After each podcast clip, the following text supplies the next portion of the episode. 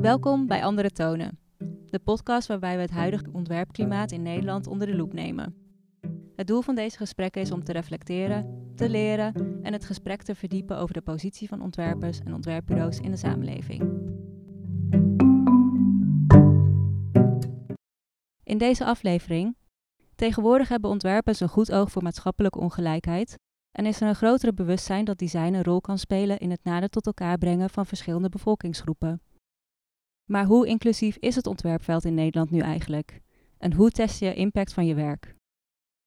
Vandaag spreek ik met Stijn Frankvoorder en Eddie Stok van Europe en R Studio, die een community van diverse beeldmakers om hen heen hebben verzameld om, zoals ze het zelf zeggen, ondergerepeteerde kwesties door middel van samenwerking tussen mensen van verschillende generaties en identiteiten zichtbaar te maken. Dit doen zij onder andere in de vorm van Are Europe Magazine, multimedia verhalen en podcasts. Are Europe is opgericht eh, in 2017 en is nu uitgegroeid tot een mediaplatform die grenzeloze journalistiek de wereld inbrengt. Voor mij zitten Stijn en Eddy. Welkom. Dankjewel. Dankjewel. Leuk dat jullie er zijn. Ik heb jullie net al even kort voorgesteld, maar ik ben heel benieuwd hoe jullie jezelf zouden voorstellen. En hoe zijn jullie eigenlijk bij Are Europe terechtgekomen? Zullen we met jou beginnen, Eddy? Ja, dat is goed. Ik ben Eddy Stok. Ik ben Creative Director CQ grafisch ontwerper bij Are Europe. Ik ben in diverse functies bij Are Europe uh, bezig, zowel voor het magazine zelf als voor onze productiestudio uh, word ik ook vaak ingezet. Ik ben ooit begonnen bij Are Europe met een enkele illustratie, die uh, een van de oprichters mij had gecommissioned. Toen was ik nog helemaal geen illustrator of ontwerper. En sindsdien uh, ben ik uh, stapsgewijs steeds verder betrokken geraakt bij Are We Europe. tot ik nu fulltime als creative director daar werkzaam ben. Het is eigenlijk begonnen vanuit een hele spontane samenwerking. Ja, ja zeker. Ja, we hebben op dezelfde bacheloropleiding gezeten. Um, totaal ongerelateerd aan alles wat journalistiek of design okay, is. welke was dit? En we zaten allemaal op de Amsterdam University College, okay. op Liberal Arts and Sciences. Ja. Ik zelf uh, specialiseerde in uh, milieuwetenschappen en informatica. Totaal iets anders. Nee, totaal ongerelateerd. um, en toen ik na afloop daarvan uh, even afscheid wilde nemen van de wetenschap, um, dacht ik dat ik de wateren zou testen in illustratie en ontwerp. En zodoende is dat uitgegroeid. Ja, en dat is je goed gelukt. Ja, dat, ik ben wel blij dat, het, dat ik het zover heb mogen schoppen. Ja, ja, precies. Ja, snap ik. Ook een hele leuke positie, hele mooie positie. Heel ja, veel met veel vrijheid. Ja, precies. Ja. En jouw wederhelft is Stijn. Ja, in, in, op dit podium inderdaad wel, podium. ja. ja. Mijn is dus Stijn, Stijn Frankvorder. Ik ben eigenlijk verantwoordelijk voor twee dingen binnen Arbe Europe en AWE Studio of All Studio. Um, dus binnen Arbe Europe ben ik eigenlijk verantwoordelijk voor operations. Dat betekent zoveel als de dagelijkse gang van zaken, de manier waarop we samenwerken, de manier waarop projecten aan het lopen zijn, daar hou ik me mee bezig. Dus ik hou me minder bezig met het editorial proces of met het ontwerpproces. Maar ervoor zorgen van oké, de projecten die we aan het doen zijn, komen die op tijd af en eigenlijk alle dingen op de achtergrond. Dat doe ik bij Arbe Europe en All Studio. Dat is eigenlijk een spin-off van Arbe Europe. Daar kunnen we het waarschijnlijk later nog wel even over hebben. Zeker, ja. Maar daar ben ik eigenlijk uh, eindverantwoordelijke voor en daar spendeer ik ook uh, de meeste tijd aan. Dus wat ik daar dan doe is Zowel het binnenhalen van nieuwe projecten, maar ook het begeleiden van nieuwe projecten. En ervoor zorgen eigenlijk dat als studio op de kaart wordt gezet. Dus dat is echt de taak die ik ja, dit jaar eigenlijk um, vooral op me heb genomen. Um, en hoe ik betrokken ben geraakt bij Arby Europe lijkt een beetje op het verhaal van Eddie, zou ik zeggen. Oké. Okay. Ik had eerst een ander bedrijf en ja. daarvoor werkte ik een keertje samen met Arby Europe. En toen ben ik een keer naar de coworking space gegaan waar die we in Brussel hebben. En uh, daar hebben we eigenlijk één keertje samengewerkt was hartstikke tof. Andere bedrijf wat ik had is helaas gestopt. We hebben de stekker uitgetrokken. En toen ben ik eigenlijk op een natuurlijke manier ben ik erin gegaan. Het was een toffe samenwerking. Uh, er waren hele leuke mensen, uh, slimme mensen, die elkaar goed kunnen uitdagen. Dus dat was eigenlijk voor mij ook de reden om die kant op te gaan. Ik ben er toen eigenlijk bij gekomen om te zeggen van oké, laten we dit van een, ja, het was iets meer dan een studentenproject, maar het kwam wel nog echt uit de studententijd. En laten we hier een, een bedrijf, een groter bedrijf van maken, een duurzaam ja, bedrijf van maken. Dus dat was de uitdaging die we daar hadden. Ja, wat kan je daar ook iets meer over vertellen hoe Are Europe um, eigenlijk ontstaan is? Ja, zeker. Dus Are Europe is in volgens mij officieel 2017 begonnen. En er werd vooral gekeken naar het huidige landschap over binnen de Europese media. En als je kijkt naar de Europese media, dan gaat het heel Mhm. vaak over beleid, gaat het over Brussel. En er was eigenlijk en een stukje frustratie en er was ook ehm, dat er echt iets, een, een gat eigenlijk, dat er iets miste binnen dat medialandschap. Ja. Namelijk iets wat iets verder gaat dan alleen beleidsmakers of iets verder gaat dan alleen de instituten zoals de commissie, eh, het parlement, noem maar op. En dat is namelijk het, het, het, het verhaal over wie zijn Europeanen. Ja, precies. Ehm, en dat is dus ook de vraag die vanaf het begin af aan eigenlijk gesteld werd en die zeer waarschijnlijk nooit beantwoord gaat worden. Maar het is de vraag van, ja, wat betekent het om Europeaan te zijn? What it means to be European. En dat is een, dat is een moeilijke vraag. Mhm. Ehm, maar eigenlijk met dat gedachtegoed, met die, ja, met die visie of met die vraag in het achterhoofd zijn ze eigenlijk begonnen. En wij zijn allebei, maar iedereen binnen Arby Europe is van de Erasmus-generatie. En Dus het is vrij natuurlijk ook gegaan dat het van een eh, eh, vraag die een, een viertal mensen heeft gesteld, ja, dat, dat het ook logisch was om mensen, eh, vrienden, andere studenten die in het buitenland ontmo- ontmoeten, makers, om eh, daar samen eigenlijk die vraag mee te stellen. Ja. En dat is, eh, dat is hoe het begonnen is. Ja, precies. Ja. Dus dat is ook geen vraag met één antwoord waar jullie mee werken. precies, ja, ja. Ik kan heel veel kanten mee op. Ja, en dat is wat ik zo interessant vind aan jullie. Jullie hebben het dan over het Europese kwestie, wat natuurlijk heel groot is en heel complex, waar heel veel identiteiten en culturen bijeenkomen. Maar dit is ook hoe jullie gedeeltelijk werken met de gemeenschap die jullie om jullie heen hebben gecreëerd. Waar komt het verlangen vandaan om met zoveel verschillende mensen samen te werken? Ja, dat is een hele goede vraag. Ik denk in het begin dat het vooral kwam vanuit een redactionele oogpunt. In een traditionele redactie wordt er intern eigenlijk bepaald wat er in een publicatie gaat komen. En dat kan misschien wel op een grote redactie met heel veel mensen, met een heel grote variatie aan mensen, kan je dan best een breed net uitgooien. Eh, maar wij zijn een klein team met een kleine core-redactie. Als wij met z'n Mhm. vieren zouden bepalen waar wat wij de belangrijke thema's en de belangrijke verhalen van Europa vinden, dan kom je maar net onder het oppervlak. En dat is wat wij wilden voorkomen. En daarom laten wij veel van de keuzes, nou niet de keuzes, maar wel ja, wat voor verhalen we vertellen, dat laten we veelal over aan onze community, aan de soort verhalen die gepitcht worden vanuit ons netwerk van schrijvers, journalisten. En daarmee proberen we zo'n groot mogelijk net uit te gooien voor Mhm. wat het betekent Europees te zijn. Ja, en om daaraan toe te voegen, ik denk niet alleen dat het een verlangen is. Ik denk dat wij letterlijk zonder onze community, de mensen om me heen, dat wij geen, niet geen recht van bestaan hebben. Maar ehm, Zonder hun kan het niet gemaakt worden. zonder hun kan het inderdaad niet gemaakt worden. Ja. Wat, wat Eddie zegt van, wij bepalen vaak wel een thema. We kijken naar wat er gaande is in de maatschappij. En dan kunnen we een bepaald kader daarin schetsen. Maar wat wij natuurlijk niet kunnen doen, is wat betekent het voor jou als Spanjaard? Ehm, of wat betekent het voor jou als Noor of als Est of, of noem maar op, of als nieuwkomer ook? Wat betekent het een bepaald onderwerp voor jou? Dat kunnen wij nooit invullen. Nee. Dus ehm, vanuit dat perspectief, wij kunnen niet zonder hun eigenlijk. Dus het is niet alleen een verlangen, het is ook een, is vrij essentieel. Ja, precies. Ja. Zonder jullie kan het verhaal niet naar buiten gebracht worden. Jullie geven deze mensen letterlijk een stem. Maar ook zonder hun verhalen kunnen jullie ook niks vertellen. Dus het is echt een, een samenwerking, zouden we het eigenlijk moeten zeggen. Ja, ja, ja, zeker weten. En kunnen jullie hier een voorbeeld van geven? Want ik zie hier hele mooie magazines staan.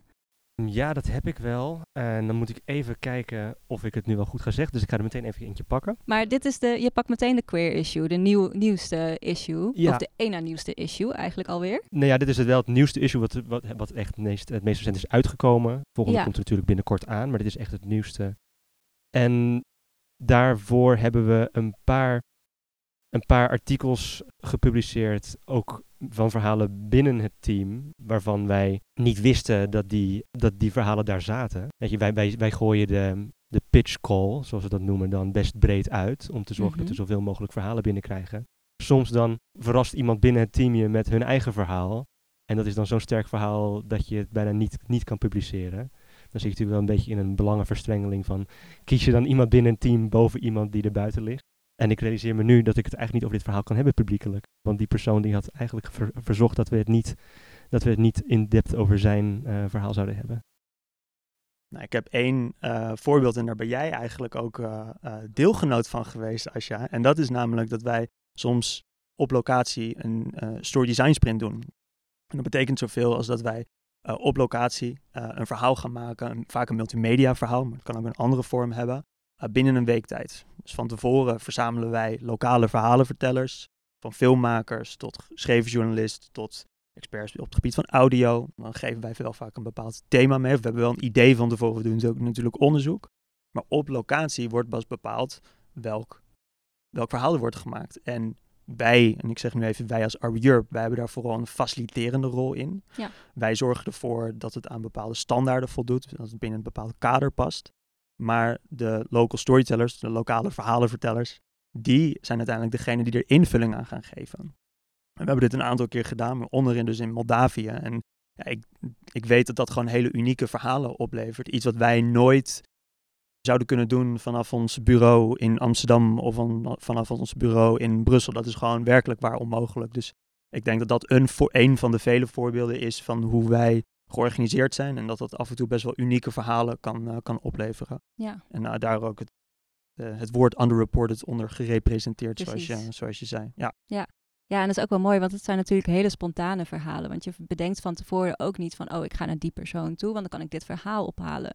Heeft dit ook jullie wel eens teleurgesteld? Hebben jullie ook wel eens de plank misgeslagen van, oh, ik, we hadden heel graag hier iets over willen doen, maar dat is niet gelukt, want we konden geen personen vinden? Um, nou, ons netwerk is wel, denk ik, groot genoeg om altijd een oplossing te vinden. Maar ik denk dat er wel altijd natuurlijk momenten zijn waarvan je, waarvan je denkt van nou, dat had misschien wat beter gemoeten of dat had anders gekund. Ik zeg altijd dat we een soort van twee lagen hebben. Aan de ene kant proberen we een vraag te of de vraag te beantwoorden van wat betekent het om Europeaan te zijn. Maar aan de Mhm. andere kant willen we ook juist jong en creatief talent willen we de kans geven om ja, een carrière te maken binnen de journalistiek of binnen de creatieve industrie. En we zien ons wat dat betreft uh, wel ook vaak als een springplank. Dat geeft ook wel als, niet per se nadeel, maar als een soort van extra uitdaging mee. Mhm. Dat je uh, mensen waarvan je soms twijfelt van oké, is dit goed genoeg, is dit sterk genoeg, voldoet het aan weet je, de criteria die wij eraan uh, willen geven. Of, of, of dat uiteindelijk voldoet. En dat is, ja, dat is wel een extra uitdaging waar Eddie iets meer inhoudelijk gewoon meer mee te maken heeft dan ik Ja. persoonlijk. Maar wij, wij nemen dat voor lief als in we weten waarvoor we het doen. Ik denk dat dat de beste manier is om dat te omschrijven, voor mezelf in ieder geval. En komt dit ook echt voort um, uit het idee dat Arby Europe ook is ontstaan vanuit de, de, studententijd? Of binden jullie je gewoon heel graag aan uh, opkomende makers, mensen die net zijn afgestudeerd, waarvan jullie de kwaliteiten zien, die misschien iemand anders nog niet ziet? Ja, dat, ik denk dat, dat het gedeeltelijk inderdaad wel allebei is, inderdaad. We zijn inderdaad ooit begonnen met jong, opkomend talent, of het nou creatief, illustratief, filmmakend, fotografie, schrijvend talent is, om dat een platform te geven. Uiteindelijk is dat ook de doel van onze stichting. De stichting waar wij, waar zowel het magazine als de studio onder vallen. En da daar is, dat is de stimulering van opkomend talent binnen de journalistiek. En daar willen wij wel altijd aan vast blijven houden. Uh, wat dat met zich meebrengt, is natuurlijk een bepaalde vorm van co-creatie. Uh, omdat je bent altijd, je bent, zoals we net ook al zeiden, afhankelijk van het verhaal wat iemand anders wil vertellen. Maar ook het verhaal wat je zelf wil vertellen. En als je er als een beetje gelijkwaardige, belangenhebbende partijen in staat, creëert dat een hele andere soort dynamiek. Tussen, vergeleken met iemand die, als wij voor een klant werken, heb je echt een klant-studio relatie. Waarin er één echt de overhand heeft als het gaat over, ja, dit is wat ik belangrijk vind en dat gaan we doen. Maar als je als gelijkwaardig in een project stapt, is het natuurlijk een heel andere, andere balans. En, maar dat, dat, dat brengt natuurlijk ook heel veel moois met Zeker. zich mee. Want als je iemand, als je in een relatie zit van gelijkwaardigen, zullen mensen sneller durven hun ideeën te opperen, hun mening te laten, uh, te laten horen. En daarmee kan je hele mooie, inspirerende nieuwe dingen doen, die je zelf misschien niet zou bedenken. En tegelijkertijd, tegelijkertijd is natuurlijk ook een, kan er natuurlijk ook conflict ontstaan. Omdat wij wel het moeten publiceren onder onze naam en het dus aan bepaalde eisen ja, de moet voldoen. kwaliteit moet goed genoeg zijn. Ja, de kwaliteitseisen die wij eraan tellen, die zijn voor onszelf ook wel redelijk hoog. En dan moet er op een gegeven moment wel heel erg diplomatisch geha gehandeld worden om te zorgen dat iedereen tevreden blijft. Maar wel mooi dat jullie deze kans geven. Want dat is natuurlijk denk ik ook wel een hele unieke positie, dat als je net afgestudeerd bent, dat je meteen bij zo'n mooi platform als dat van jullie eigenlijk al terecht kan.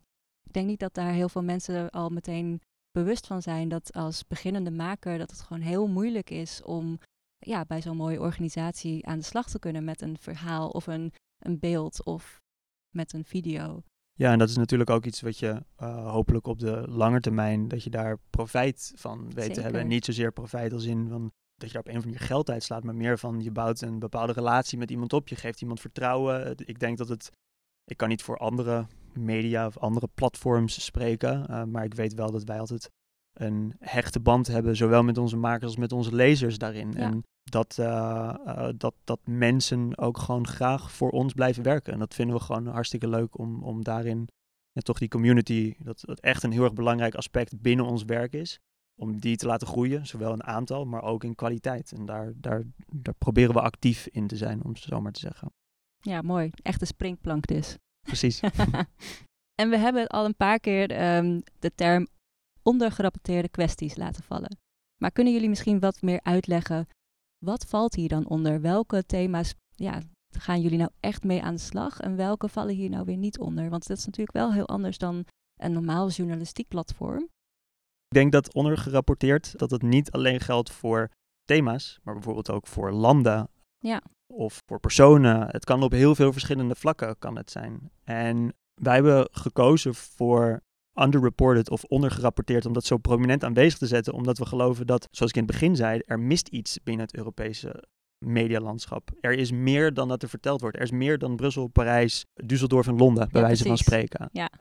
En ik denk vooral dat het daarvoor heel erg belangrijk is dat we dat ook laten zien. En uh, of het nou gaat over een, een verhaal in Moldavië, over dat dat het snelst krimpende land is, omdat er gewoon heel veel mensen letterlijk het land verlaten. Of dat het nou gaat over de uitdagingen die Spanje heeft als het aankomt op klimaatverandering. Uh, in het zuiden van Spanje, waar misschien ook niks over hoort. Um, ik denk dat, dat daarin gewoon iets heel erg belangrijks zit. En, en wat we volgens mij daar al, altijd in zoeken, is dat weet je, de uitdagingen die we hebben over heel Europa heen, dat is, daar zit best wel wat overlap in. Tussen, tussen wat wij hier in Nederland hebben en wat anderen hebben. Um, maar in ieder geval, dat gedeelte, dat is wel belangrijk, denk ik, om te benadrukken en dat erin te, in te verwerken. En dan heb ik het nog niet eens over de thema's gehad, die natuurlijk ook vaak over underreported zijn bij ons. Ja, moet ik zeggen dat sommige van de thema's die wij doen natuurlijk niet underreported zijn. We hebben de globale thema's die wij elk tijdschrift behandelen dat zijn best grote thema's. Queer issue, het is gewoon, dat is best een wide-reaching problematiek die je dan aangrijpt. Maar wat wij ook een beetje als redactionele lijn nemen van underreported, is ook de persoonlijke angle van alle verhalen. Als je natuurlijk alleen maar focust op de grote verhalen, de grote nieuwsevenementen die er op een heel continent gebeuren, weet je, dan, daar kan je natuurlijk ook een tijdschrift mee vullen. Maar dan heb je het alleen over wat wat iedereen uit elkaar houdt, wat iedereen uit elkaar zet en anders maakt.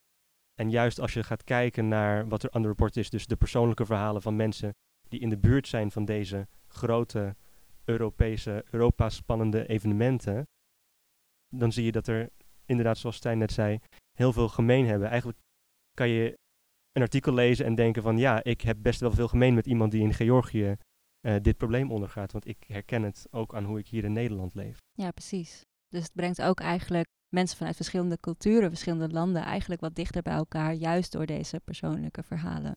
Ja, precies. volgens mij was dit wel echt een van de meest gepitchte issues die we hadden. Dus eh, het oh, geluid kwam wel echt uit de community ja. dat het tijd was voor zo'n uh, zo'n onderwerp. Ja, precies. Ja, heel goed. En dat is, als, als ik daar heel veel op kan inhaken, het schiet me nu mas te binnen. Maar we, we hebben het nu gehad over uh, colonialisme en over queer. Maar we hebben bijvoorbeeld ook onderwerpen als sport hebben we gehad. En voor ons is het ook wel, ergens is de uitdaging om te zoeken van oké, wat is daar een, een, een ondergerapporteerd verhaal. Maar ergens is het ook voor ons nog af en toe zoeken van oké, wat zijn de onderwerpen die wel bij ons passen? En wat zijn de onderwerpen die eigenlijk niet bij ons passen? En wat voor criteria hang je daar dan aan? Nou ja, zeg maar, uh, uh, goed luisteren sowieso naar je lezers en daarmee in gesprek blijven gaan. Dat is mhm. denk ik de allerbelangrijkste. Het is ook ergens, in alle eerlijkheid, een beetje de gut feeling die wij zelf hebben als we een, zowel van tevoren, maar ook als we een magazine af hebben. Um, maar dat is, net als met heel veel dingen, maar dat wel blijven balanceren de hele tijd. Ik denk dat we er wel iets beter in aan het worden zijn van, oké, wat past wel bij hetgeen wat we willen aanpakken en bij onze eigen identiteit eigenlijk past. Maar het blijft wel een, blijft wel een uitdaging, ja. En jullie zeiden al, jullie luisteren naar de lezers. Maar hoe doen jullie dit dan? Moet ik even zeggen dat we luisteren wel naar de lezers. We vragen om hun, om hun mening. Maar we luisteren er niet altijd naar. Want als we er naar hadden geluisterd, dan had, was het sports-issue niet uitgekomen. Want, uh, nou ja, dus dat is onder andere wat we doen. We hebben natuurlijk uh, leden en een, uh, een collectief ja. groep. En vaak, soms dan, dan polen we wel van, hey, wat voor onderwerpen vinden jullie interessant? En dan hebben we een grote lijst van, ja, sport, queer, kolonialisme, desinformatie en fake news, et cetera. En, nou ja, toevallig kwam sport onderaan, maar besloten we hem toch te maken. Ik moet zeggen, ik vind het wel een van onze leukere, lichtere, toegankelijkere magazines.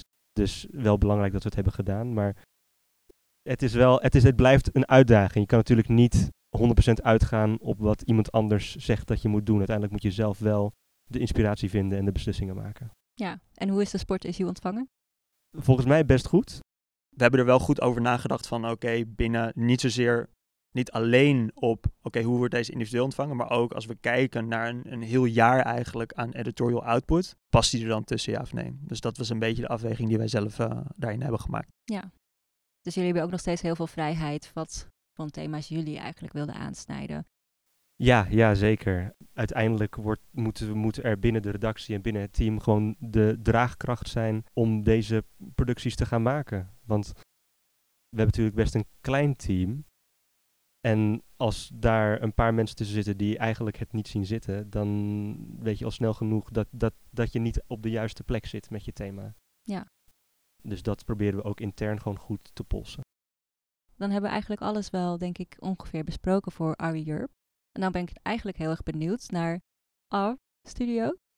Kun je jullie daar wat voor over vertellen? Want dat is een heel nieuw initiatief, is net gelanceerd. Wat gaan jullie met R Studio doen? Het is niet een heel nieuw initiatief. Aan de buitenkant is dat het wel. Um, maar eigenlijk over de, de loop der anderhalf jaar hebben wij eigenlijk vrij natuurlijk van partners waar wij al samenwerkten voor ons magazine of op een of andere manier een partner al van ons waren. Um, die vroeg op een gegeven moment aan ons van, hey, wat je daar doet is heel tof, binnen, binnen, binnen je eigen editorial output. Kan je dat ook voor ons doen? Dat was een hele natuurlijke vraag. Ja. En dat werd door stichtingen werd dat, uh, uh, gevraagd, dat werd door culturele instituties werd dat gevraagd. Het werd ook soms door publieke organen werd dat uh, wel eens aan ons gevraagd. En wij hebben eigenlijk dit jaar besloten om daar echt een eigen entiteit van te maken. Dus wat we daarin doen is dat we zeggen van oké, we maken gebruik van onze, noem het altijd nog steeds storytelling skills. Die we hebben opgedaan binnen, binnen Arbit Europe. En daarin worden wij gevraagd van oké, kunnen jullie dit ook voor ons doen? En dat, dat richt zich eigenlijk op drie gebieden. Dus het ontwikkelen van concepten, de echte productie en nou, zorgen dat het juiste publiek eigenlijk weet te bereiken. Dat zijn een soort van de drie pijlers. Ja, de drie. En dat is eigenlijk de reden dat we als studio daarin hebben, hebben opgezet. En eigenlijk ook met het doel van oké, als we zo vaak gevraagd worden, en dat zijn vaak um, ja, best wel ja, toch internationale. Het, het, het, het, beperkt zich nooit tot Nederland eigenlijk, de opdrachten. Dat we dit ook weer zien als een manier om ons netwerk aan goed betaalde klussen uh, uh, te helpen. Dus nu zitten we bijvoorbeeld in Nice, we waren een tijdje geleden in Berlijn. Nou, we gaan zo uh, Europa vrij, vrij vaak kriskras doorheen. En ja, dat biedt ons ook weer de mogelijkheid om ook weer die missie zeg maar, te vervullen. Dus op die manier um, is, is uh, Studio dit jaar ontstaan. Ja, en wat, wat voor projecten doen jullie dan met Our Studio? Kan je er eentje als voorbeeld noemen? Uh, jazeker. Ik denk dat wij ons onderscheiden door dat we vanuit de journalistiek, of in ieder geval vanuit de storytelling komen. En dat is een, een vrij essentieel element eigenlijk in alle producties die we daar draaien. Dus wij hebben bijvoorbeeld een documentaire reeks gemaakt over 13 verschillende uh, landen in de Balkanregio en de omliggende regio voor een uh, Duitse overheidsinstelling. Die vooral heel erg wilde begrijpen van oké, wat betekent het nou om te leven in nou, dan de Balkanlanden. En daar hebben we eigenlijk met 13 verschillende uh, filmmakers, 13 verschillende journalisten en uh, uiteindelijk één editor dan in, in Amsterdam. hebben wij zo'n project hebben we dan vervuld. Maar dat is echt dus op zoek gaan naar de juiste hoofdrolspeler, de protagonist, het is ervoor zorgen dat je juist een verhaallijn hebt en dat je ook een goede representatie hebt van de situatie daar.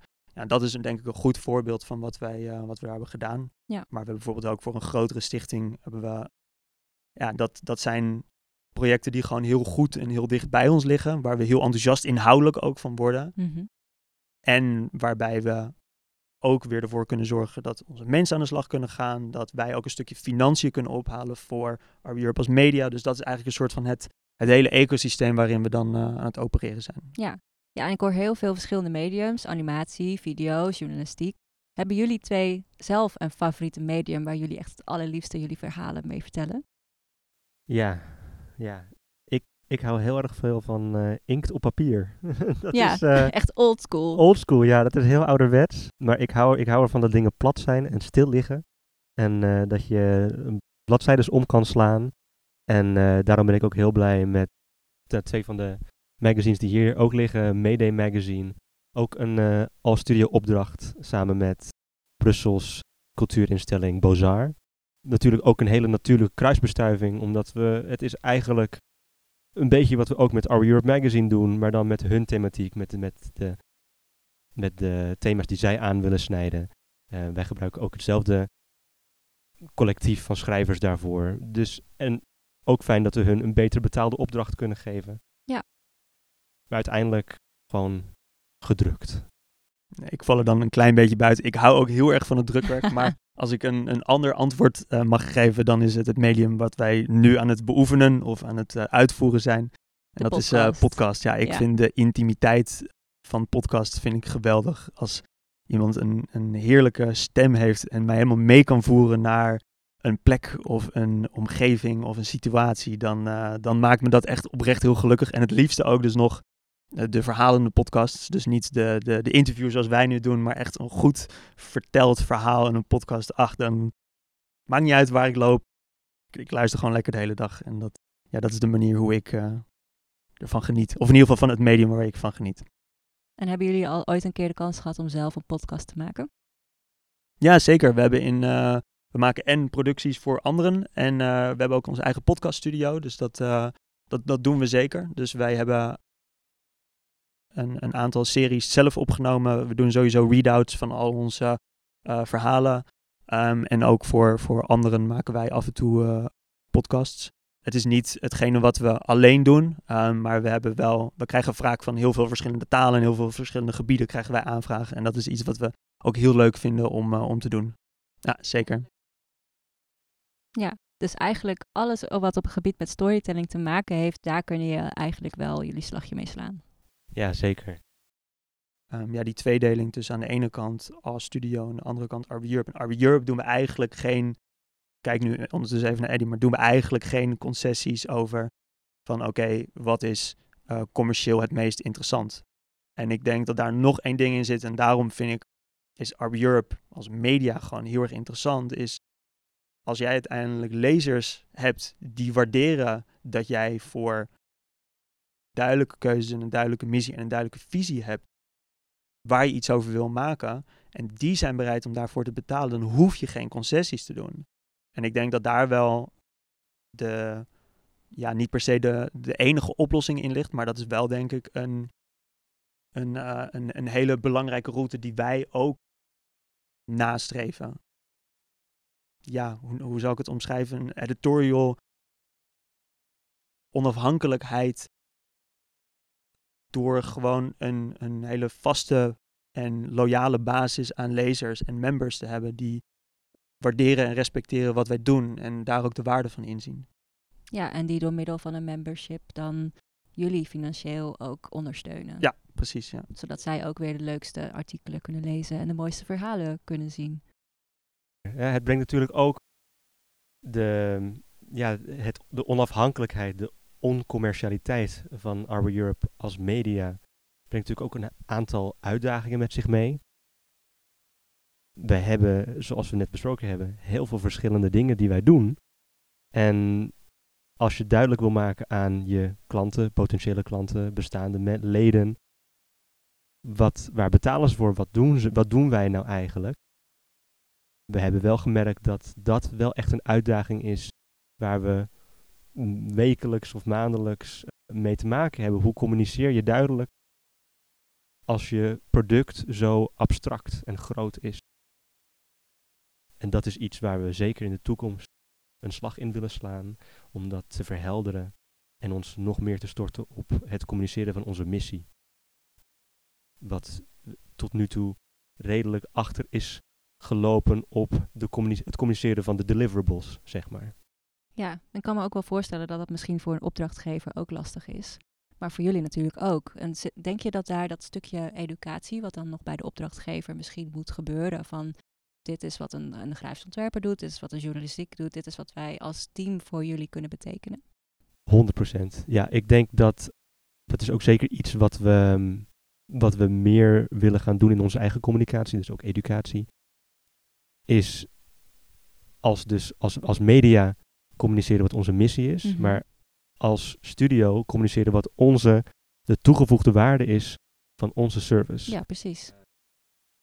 Omdat we natuurlijk best abstract zijn, moeten we dat een beetje concreter maken door te zeggen van, als je bij ons komt, dan kom je niet alleen maar voor inderdaad grafisch ontwerp of audioproductie of dit, maar je krijgt echt te maken met een totaalpakket wat je bij ons kan afnemen, om het zo maar te zeggen. Ja.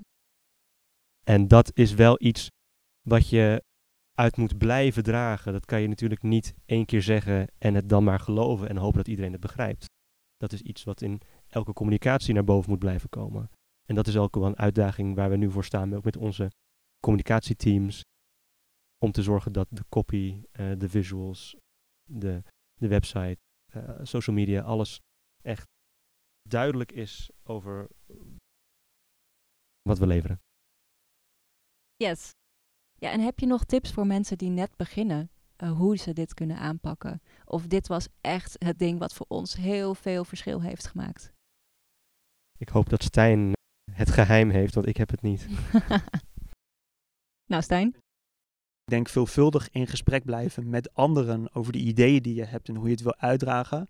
Dat dat voor mij een les is die eigenlijk nooit echt zal ophouden. Dus het is niet van oké, gebruik social media en dan komt alles goed. Maar probeer in gesprek te blijven met degene waarvan jij denkt van oké, die daar, daar kan ik mee sparren. Daar kan ik wat van leren. En andersom ook. En zo denk ik echt dat jij kan toetsen of datgene wat je wil maken, wil produceren.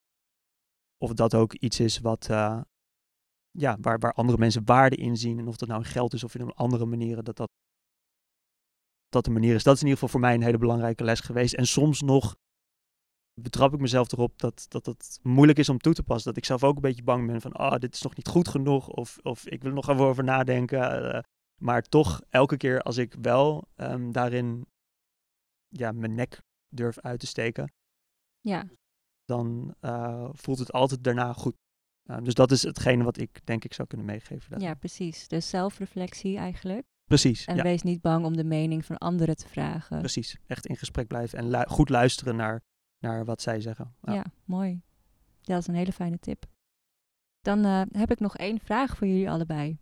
En dat is, wat is de toekomst van A Studio en Arby Europe? Ja, ik heb zowel een droom voor Arby Europe als media als A Studio. Om met Arby Europe als media te beginnen. Dat wij over een vijftal jaar een, niet alleen een netwerk hebben, maar ook hubs eigenlijk over heel Europa heen. Misschien wel juist beginnend in de ondergerepresenteerde landen, maar misschien wel in elk land in Europa een kleine hub, ook een fysieke locatie, waarin je Europa, of het gesprek over Europa kan voeren en uh, bediscussiëren. En dat het een, een, een hub is waar makers zitten en waar mensen die nadenken en een plek waar mensen bij elkaar kunnen komen een, of wat, wat ik heb als, als toekomstdroom voor Europe Media. Ja, dat zou ik wel heel mooi vinden. Nou, dat vind ik niet een hele fantasie-droom uh, hoor. Eigenlijk. Nee? Okay, nee. nou, ik Zie jullie nog wat doen ook? Ik weet niet hoeveel landen er nu, nu in Europa zitten, maar dat zijn er een hele hoop. Maar goed, dat, uh, we, we, we, doen ons best. en jij, Eddie? Nog dromen voor RE Europe of A Studio? Ja, ik, uh, ik droom heel erg realistisch. dus Volgend jaar overleven. ja. Ook niet onbelangrijk. niet, niet onbelangrijk, nee, maar wel uh, iets, iets, iets, groter dan dat. Nee, ik, um, ik hoop dat we over een paar jaar gewoon een laserbasis kunnen vinden door heel Europa. En dat we ja, gewoon een steentje kunnen bijdragen aan het het kleiner maken van het continent. Het continent is, heel, is heel groot. Eh, Stijn eh, kon niet eens uit zijn hoofd bedenken hoeveel landen er waren in Europa. Dus stel je voor, als we het gevoel van Europa iets kleiner kunnen maken, een beetje knusser, een beetje persoonlijker, dan ben ik al heel blij. Ja, mensen dichter bij elkaar brengen. Mensen dichter bij elkaar. Nou, dat brengen, sluit ja. heel erg mooi aan bij jullie missie. Zeker weten. Jongens, dankjewel dat jullie wilden komen. Ik vond het een heel mooi, inspirerend gesprek. Heel tof om jullie zo achter de schermen even te spreken over ja, alle fantastische zaken die jullie allemaal doen. Dus dankjewel. Ja, ook bedankt Asja. Ja, dankjewel dat wij hier mochten zijn. Leuk.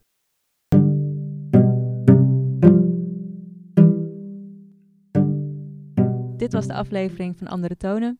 Deze podcast mede mogelijk gemaakt door Driving Dutch Design met dank aan de ABN AMRO, Beroepsvereniging Nederlandse Ontwerpers en de Dutch Design Foundation.